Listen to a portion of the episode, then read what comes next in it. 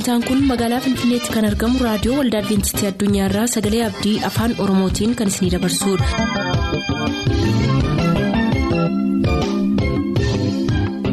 harka fuuni akkam jirtu kabajamtoota dhaggeeffattoota keenyaa nagaa fayyaanne waaqayyo bakka jirtan maratti isiniif haa baay'atu jechaa sagantaan nuti har'aaf qabannee isiniif dhiyaannu sagantaa maatiif sagalee waaqayyoo ta'a gara sagantaa maatiitti haa dabarru.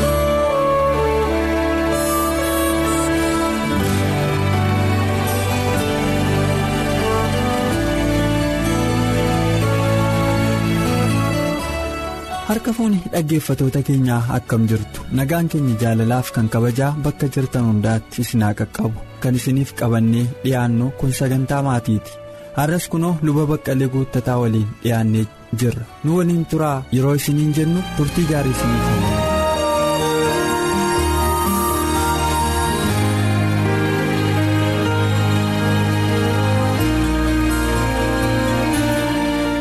miigaa paaster qabaa maatiin ijoollee isaaniif gochuu qaban keessaa tokko maatiin ijoollee isaanii hojii barsiisuun tokko akka ta'e nu gorsitanii turtan miigaa har'as. Gaaffii kan biraa tokkoon isin gaafachuu barbaada buurri waldaas buurri dhaabbilee hundumaas maatii irraa jalqabaa jenneerra kanaaf maatiin buura kan hundumaa ta'uuf immoo maatii keessaa namni sirrii ta'e namni sammuunsaa gaarii ta'e achi as dhufaa adeemuun dirqamaa jenneerra. Kana keessatti al tokko tokko dargaggoonni keenya dirqama garaagaraa maatii dhaabbachuutti yeroo dhufan keessattis rakkinni hin mudata fakkeenyaaf yeroo cidha isaanii cidha godhachuu irratti al tokko tokko maatii haadhaaf abbaa hiyyoomsanii cidha godhachuun jira yeroon akkas jedhu baasii humnaa olii baasanii jechuudha akkuma isin jettan galii utuu hin qabaatiin cidhatti yommuu galu.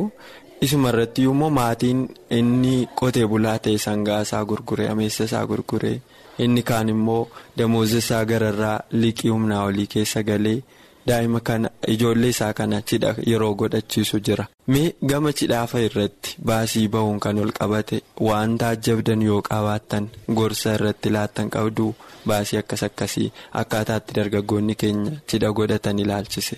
Gaaffii kana baay'isii galatoominsiin jedhaa gaaffiin kun gaaffii bu'uuraati yeroo ammaa kanas sirriitti gadi fageenyaan ilaalamuun kan isarra jirudha.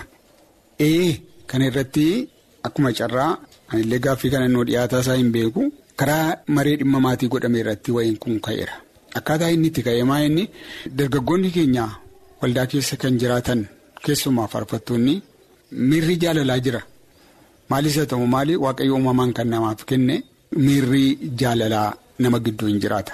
Kanaafuu miira jaalalaa jiru kanaa atamittiin ifa godhatu isa jedhamu irratti immoo ilaallu dargaggoonni yeroo baay'ee immoo isaan wal jaallatanii akka matamma jettee hanqinni immoo jiraatu utuu waldaan hin beekin wal fuudhu. Sababii isaan kana godhaniif immoo takka takka rakkoon dhiibbaan irraan hin ga'a. Utuu faarfattuutti atamittiin fuudhaa waldaan hin beekne godhatte kanaafuu yeroo manaatiif adabami. Akkas ta'e kan jedhamu dargaggoota keenya irratti hin ta'a. Kun attamitti hiikama kan jedhu irratti mari'anneerra. Miirri jaalalaa dargaggoota keenya keessa waan jiruufi walitti heerumuun wal fuudhuun cubbuu hin qabu. Kanaafuu immoo dargaggoonni keenya ilaalcha karaa waldaa karaa akkasii karaa dogoggoraati jedhamee irratti ilaalamaa jiru attamitti hiikkachuu dandeessi kan jedhu irratti maree yommuu goonu karaa salphaa ta'een dargaggoonni keenya akka wal fuudhan mareerra geenyerra. Karaa salphaa ta'e jechuun attamii yookiin waldaan waan waldaa keessatti yommuu hojjetamuudhaaf jedhu wanta salphaa ta'e baasii bal'aadhaaf kan isaaniin hin afeerre uffata cidha ittiin walitti heeruman illee yoo ta'e waldaan qopheessiteefi yuunifoormii kan ta'e qopheessiteefi nama hundumaaf walqixxee kan ta'e hiyyeessaaf sooressa utuu hin jedhin walqixxee kan ta'e yuunifoormii qopheessiteefi ergisuufis haa ta'u karaa salphaa karaa yaa'uus haa ta'u akka ishee wal fuusiftu akka gootu. Namooti kana hin dandeenye immoo yoo jiraate haadhuma isaa yoo jiraate marriage rakkinna hin argata yoo ta'e manatti beekamtii waldaan beektuun karaa salphaa ta'een achuma yoo dhaquu hin danda'u kan jedhu yoo jiraate waldaa isaatti yoo beeksifate akkaataa kanaan illee dargaggoonni keenya wal fuudhuu akka qaban sodaa kanaatiif jedhanii sodaa ikoonomiitiif jedhanii rakkoodhaaf ilaalcha namaa keessaa akka isaan hin gallee fi mareen xumura qabu tokko beekamee waldaan kana murtoo. qajeelaatti dhufte haala dargaggootaaf karaa isaaniitti wal fuudhan akka mijeessituuf kan jedhu walgahii keenya yeroo darbe dhimma maatii irratti mari'anne irratti yaada kana kaafnee geggeessitoota waldaa wajjiniinis marii gooneerra. waaqayyo sinaa eebbisu dhuguma isaa dubbachuuf paaster wantoonni kun akkas hin jalqabdan kanatti itti fufee kan hojjetamu yoo ta'e rakkinni dhaloota kana gidduu jiruun furama jedhee namana sababni isaa dargaggoonni obboloonni keenya inni kaan waan ittiin baasii baasee fuudhu dhabuudhaan kara barbaachisaa hin taane yeroo fuudhu inni kaan immoo abaluu baasii ammanaa baasee cidha godhate anis akkamittiin kanaa gadi godha jechuudhaan. liqii humna isaa olii kan bara isaa guutuu isarraa hin baane keessa seenuudhaan rakkina keessa otoo jiraniiti kan hawaasa keenya keessaa arginu. Kanaaf rakkoo kana irratti waan dammaqxaniif waaqayyo sinaa eebbisu. Miigaa gama jaalalaattiin immoo sin deebisa al tokko tokko. Erga wal fuudhanii egaa namoonni jireenya haaraa jalqabu namoonni lamaanuu isheen tokkos akka kaleessa bakkeetti beekuu. ta'uu dhiisuu dandeessi yeroo dhufte cidha booddaa gara jireenya walii wajjinii jalqaban innis akka isheen bakkeetti isa beektu ta'uu dhiisuu danda'a rakkinoota akkasii kana gidduudhaa kan dhufu dargaggoonni akkamitti keessa darbuu danda'u waan gorsitan qabdu. Baay'isii galatoomee kuni mudannoo maatiiti mudannoon kuni dhaloota haaraa amma keessa jiru kanattis ta'e dhaloota darbe keessattiyyuu mudannoon hin jiraata dhuguma akkati jette. Namni ani yoon taa'ee tilmaamee ilaale utuu waliin fuudhiniin fuula duraa kan inni wal beeku even an 50% dheedhee kaa'uun hin danda'a. Maaliif erga wal fuudhanii booddee mudaa baay'ee wal irratti argu haati manaaf abbaan manaa. Dura kan isaan ittiin seenanii miira jaalalaa duwwaadha. Amma itti wal fuudhanii miira jaalalaa duwwaa miti miira jireenyaa qabatee dhufa. Miirri jireenyaa kun immoo kallattii baay'eedhaan kara jireenya isaaniitti kan dhufee dandeettii isaanii madaaluudha. Inni duraa.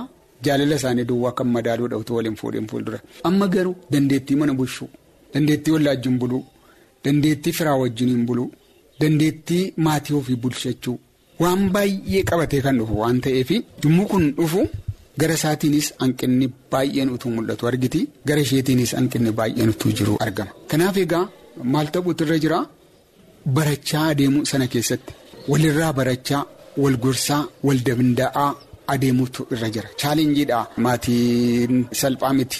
Wantuma akka bakka lafa kolleetti taphatanii gargar ba'anii miti. Chaalenjii guddaa qabaa chaalenjii sanaa akkamittiin taakelii godhan yookiis eeganii keessa darban wal barsiisuu danda'utu irra jira. Kanaaf ati manaaf abbaan manaa erga wal fuudhanii booddee utuu waliin fuudhanii fuuldura illee wal yaadachiisuun baay'ee barbaachisaadha. Waan nuyi har'a wal irratti hin beekne jireenyi kan nu barsiisu jireenyi kan nutti fidu. Fuudhee akka fiilmiitti fuula keenya dura kan kaa'u anis atis amma kan hin beekne gaafa wal fuunee hin dhufa sanaaf qophoofnee itti adeemuun nurra jira jedhanii wal yaadachiisuun illee baay'ee barbaachisaadha. Yommuu inni immoo of mul'isee dhufu immoo ilaa inni gaaficha jenne isa kanaadha. Kanaafu akkasittiin bira dabarra jedhanii barumsaaf yaada walii kennaa wal bira yoo darbanidha. Yoo akkasitti adeemameef hubannaa akkasiitiin fuudhaaf heeruma keessa walixamee gargar ba'uun jiru. Haadha manaaf abbaa manaa gidduu. Silayyuu hanqinni akka jiru. Sila walitti himaniiru. Kun akka isaan mudatu walitti himaniiru. Mudannoo isaanii kana atamittiin bira dabarra kan jedhu kolfaa taphachaa hiika itti kennaa adeemuu hin danda'u. Lafa walii obsuun isaan irra jirutti walii obsuu lafa wal barsiisuun isaan irra jirutti wal barsiisuu. Kun egaa waan dhaloonni bara har'aa hin hubanne yoo jiraate akka wanta inni reefuu isaan irratti jammaruutu. Abbootii keenya darban irras jira kun mudannoon jireenyaa eenyuun iyyuu hin qaqqabaa. Namni guutuu guutummaatti dura waliin beeku edda wal bira ga'eetti kan inni wal beeku kan inni wal hubatu kana beekanii chaalenjii kanaaf of qopheessanii itti adeemuun baay'ee barbaachisaadha. Waaqayyo isinaa eebbisu wanni namaan oolle tokko dursanii beekuun yookiis namni maatii dhaabu tokko nama mul'ata hin qabne namoo akkasumaan akka hin taane dursee waan isaan mudachuu danda'u gara fuulduraatti nu mudata jedhee yaaduu danda'u tokko dursee infoormi wal gochuun walitti himuun. iftoomina jireenya sana keessatti barbaachisu isa guddaa akka ta'e waan nuuf caqastaniif waaqayyo isinaa eebbisu.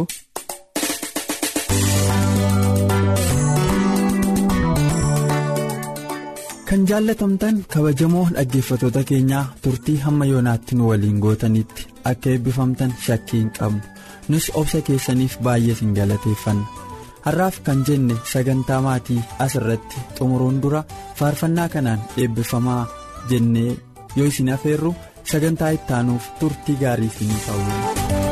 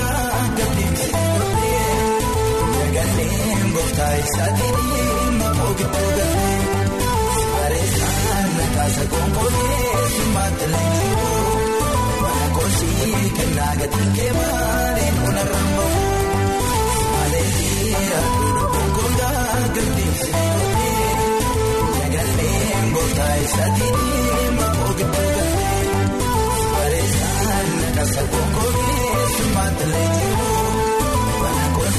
Kennaa gatiin keemalee nuna rambamu.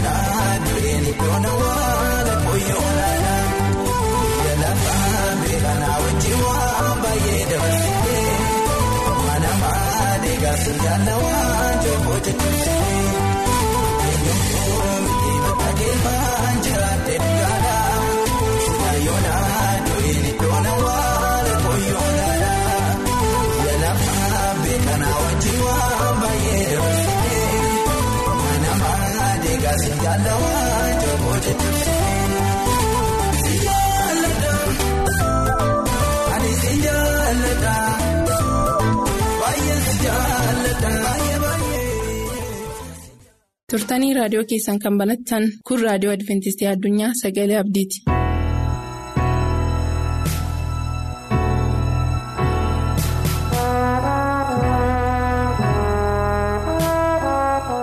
attam jirtu dhaggeeffattoota sagalee abdii nagaan waaqayyoo isiniif haa baay'atu bakka bakka jirtan hundumaatti ani maqaan koo efreemoo waggaariin jedhama mata duree yeroo ammaa kana utuu isiniif hin qoodiniin fuuldura mataa keenya gadi qabannee bakka bakka jirrutti kadhata gabaabaa godhan. Samaa irra kan jiraattu abbaa keenyaa ati waaqayyo gooftaa maccaatii. Yeroo kanaa dubbii kee haalaaf akka jirru keessatti gooftaa bakka jireenya keenyaatti dubbii kee qilleensa irra akka nu hubachiiftuuf gargaarsaa akka nuuf taatuuf ogummaaf qalbii akka nuuf taatuuf si kadhanna. Fuula keessa dura jira hubannaa dubbii keetiin gara jireenya keenyaatti dhiyaadhu. Samaayifis nu qopheessi kiristoos yesus jaallatamaadhaan ameen. Mata dureen ammaaf qabadhee dhiyaadhe kan jedhu dhiifama cubbuuf aareffama yaada qalbii kadhachuu dhiifama cubbuuf aareffama yaada qalbii kadhachuu kanaaf baroota darbe keessatti gootonni amantii beektonni macaafa qulqulluu aareffama yaada qalbii isaanii godhatanii waaqayyoon kadhachuudhaan cubbuu isaanii waaqatti himatanii gara waaqayyootti dhiyaatan. Maarree firoota waaqayyoo waaqatti kan jaallatamtan. Yaada garaa keenyaaf cubbuu keenya waaqayyotti himannee aareffama qalbiitii fi jijjiirama sammuu jijjiirama garaa keenyaa nu gaafata. Daawwitu barasaa keessatti namni akka daawwitiin cubbame hin jiru. Namni akka daawwitiin yakkee hin jiru. Waan baay'ee godhe. Waaqayyotti yaadaaf jireenya isaa yommuu kennate. Ansuma yakkee yaa waaqayyoo ko jedhee qorii na ilaali na fonqolchi. Karaa hin taane irra bu'ee yoon jiraadhe illee gara karaa qajeelaatti nageessi jedhee waaqayyoon kadhate. Kanaaf. Waaqatti kan jaallatamtan dhiifama cubbuutiif aareffama yaada qalbii qabaachuun kanaaf barbaachisaadha. Warroota darban irraa waa hubanna. Kutaa macaafa qulqulluu keenya keessaas heertuu sana keessaa yommuu dubbifannus. Yaada aareffamaa kan nu keessa galchu ta'a. Waaqayyoo daawitiin nama akka garaa koo jedhe isa mararfate isa jaallate dhiiga dhangalaase sanni dhiiga dhangalaase nama dhiigaa sanni ta'e isa qulleesse. Kun maa inni erginni cubbuu isaa himatee aareffama yaadaaf qalbii erginni qabaateeti. Faarsaa shantamii tokko lakkoofsa tokkoffaa isaa irraa dubbifannu akkana kan jedhu arganna. Yaa waaqa akka gaarummaa keetti na maari. Akka baay'ina araara keettis cubbuu koo balleessi. Yakkaa kootti raawwattee na dhiqe cubbuu koottis na qulleessi. Anuu loogaa koo beeka'oo? Cubbuun koo'is gaafa hundumaa na dura jira. Akkanatti waaqayyoon kadhate. Dubbiin kun kennataan waaqayyotti kennate daawwiti kadhannaadha. Anuu loogaa koo beeka'oo. Cubbuun koo issi gaafa hundumaa dura jira. Beeknaa akka bishaanii cubbuu akka dhunnu akka wayyaatti cubbuu akka uffannu akka manaatti cubbuu keessaa akka jiraannu hawaasa jiraannu keessatti hojii dhuunfaa keenyaa keessatti dhuunfaa jireenya keenyaa keessatti akka maatiitti akka hawaasaatti bakka jiraannu hundumaatti beeknaaf firoota waaqayyoo. Kanaaf waaqayyoo isuma kanaan gara koo kottaa nuuf hin jedha. Akka of murteessanii gara isaa dhaqanii cubbuu isaanii isatti himatanii gadi baasee isaan hin ganne beenaan irraa hin jenne. Waaqayyoo cubbuu isaanii isaan irraa faaquudhaanii nama akka garaa koo jedhe daawwitiin kanneen jiraatanis akkasuma bartootaaf raajotas ergamootas yoo fudhanne. si duwwaadhaan hin yakkee si durattis amaa godhee dubbii keettis tolaa akka taatuufi firdii keettis qullaa. Kanaaf akka kanatti waaqa guddaa kana kadhate. Ani si duwwaadhaan hin yakkee si durattis amaa godhe dubbii keettis tolaa akka taatuufi firdii keettis qullaa ansuma duran dhufe. Eenyu birayyuu hin naqne? Moototaaf gurguddoota biyya lafaa kanatti hin dhiyaanne? Waaqayyo isa guddaa mootii waaqaaf lafaa duratti dhiyaate. Kunoo loogaattan dhaladhe. Ati koos cubbutti na ulfoofte. Kunoo dhugaa keessatti na jaallatteerta. Dhoksaattis ogummaa natti himta. Yaa waaqa garaa qullaa naa uumi hafuura jabaasaas na keessatti aaressi yaa waaqayyo akka gaarummaa keetti araaraa natti agarsiisi. Akka ho'a keessa guddaattis irra daddarbaa koo haxaa'ii balleessi. Yakkaa koo raawwadhu anarraa dhiqi. Cubbuu koottis ana qulleessi. kadhannaa akkasii kana. Himata akkasii kana fuula waaqayyoo duratti dhangalaafate. Maatii waaqayyoo firoota waaqayyoo kan taatan. Kanaaf nama akka garaa koo jechuun wanta qalditti miti. Garaa koo fonqolchi jedhe eenyu keenya meeqan keenya? Har'a waaqayyoon nu fonqolchi jennee akkuma kadhata dhuunfaa keenyaatti akka hojii hojjennutti waaqayyotti kan of laannu garaa qullaadhaan. Jirraa laata? Garaa qullaadhaan waaqayyotti kan dhiyaannu yaada qullaadhaan waaqayyotti kan dhiyaannu. ija imimmaaniitiin garaa gaccabeen waaqayyo duratti kan gadoof deebifnu. Sana duwwaa miti. Waa'ee jarreen lamaan sanaa luqaas boqonnaa kudha saddeet lakkoofsa kudha sadiif kudha afur irraa. Waa'ee qaraxxichaa fi waa'ee namichaa isa farisicha sanaa nama lama ta'anii fuula waaqayyotti dhiyaatanii inni quba itti qabe torbanii nan tsooma jedhe kurnaffaa koo keessaa nan baasa jedhe an akka ishee kanaa miti jedhe quba itti qabe har'a quba walitti qaban akka hawaasa keessa jirruufi akka waldaa amantaa keenyaafi akka hiriyaatii akka sabaaf sablammiitti jira. Kanaaf lakkoofsa kudha sadaffaa isaarra qaraxichi garuu fagoo dhaabatee ture. Gara waaqaatti illee ija isaa ol fudhachuu hin fedhu ture. Qoma isaa sirru rukutata ture malee akkana jedha. Yaa waaq namaarii ana nama cubbama? Yaa waaq namaarii ana nama cubbama? Kanaaf waaqayyo gara akkasii kana barbaada yaada akkasii kana barbaada sammuu akkasii kana barbaada kadhata akkasii kana barbaada waaqayyo duratti jireenya ofii dhangalaasu himata ofii waaqayyotti kennachuu yaa waaqa namaarii ana nama cubbama? Akkas jennee hin kadhannaa waaqa keenya faayisaa keenya. Isinii nan jedha. Inni kun isa sanarra caalaa qullaa'ee akka gale ol kan of qabu hundinuu gadi hin deebi'oo gadi kan of qabus oliin qabama. Kanaaf fuula waaqayyoo duratti gadi of deebifnu fuula waaqayyoo duratti anummaan keenyaa fi guddummaan keenyaa fi soorummaan keenyaa. Akkuma kana olaaf qabuun keenya aafu sana duwwaa miti. Roobee boqonnaa torbaffaasaa keessaa yoo fudhannu lakkoofsa kudha lammaffaasaarra egaa seerri qulqullaadha. Abboommichis qulqulluudha. Qajeelaadhaaf gaariidhas egaa inni gaariin du'a naa ta'aare waawu garuu cubbuun cubbuu ta'ee haa mul'atuufi isa gaariidhaan du'anatti fidee isa gaariidhaan du'anatti fidee maal jechuudha kuni?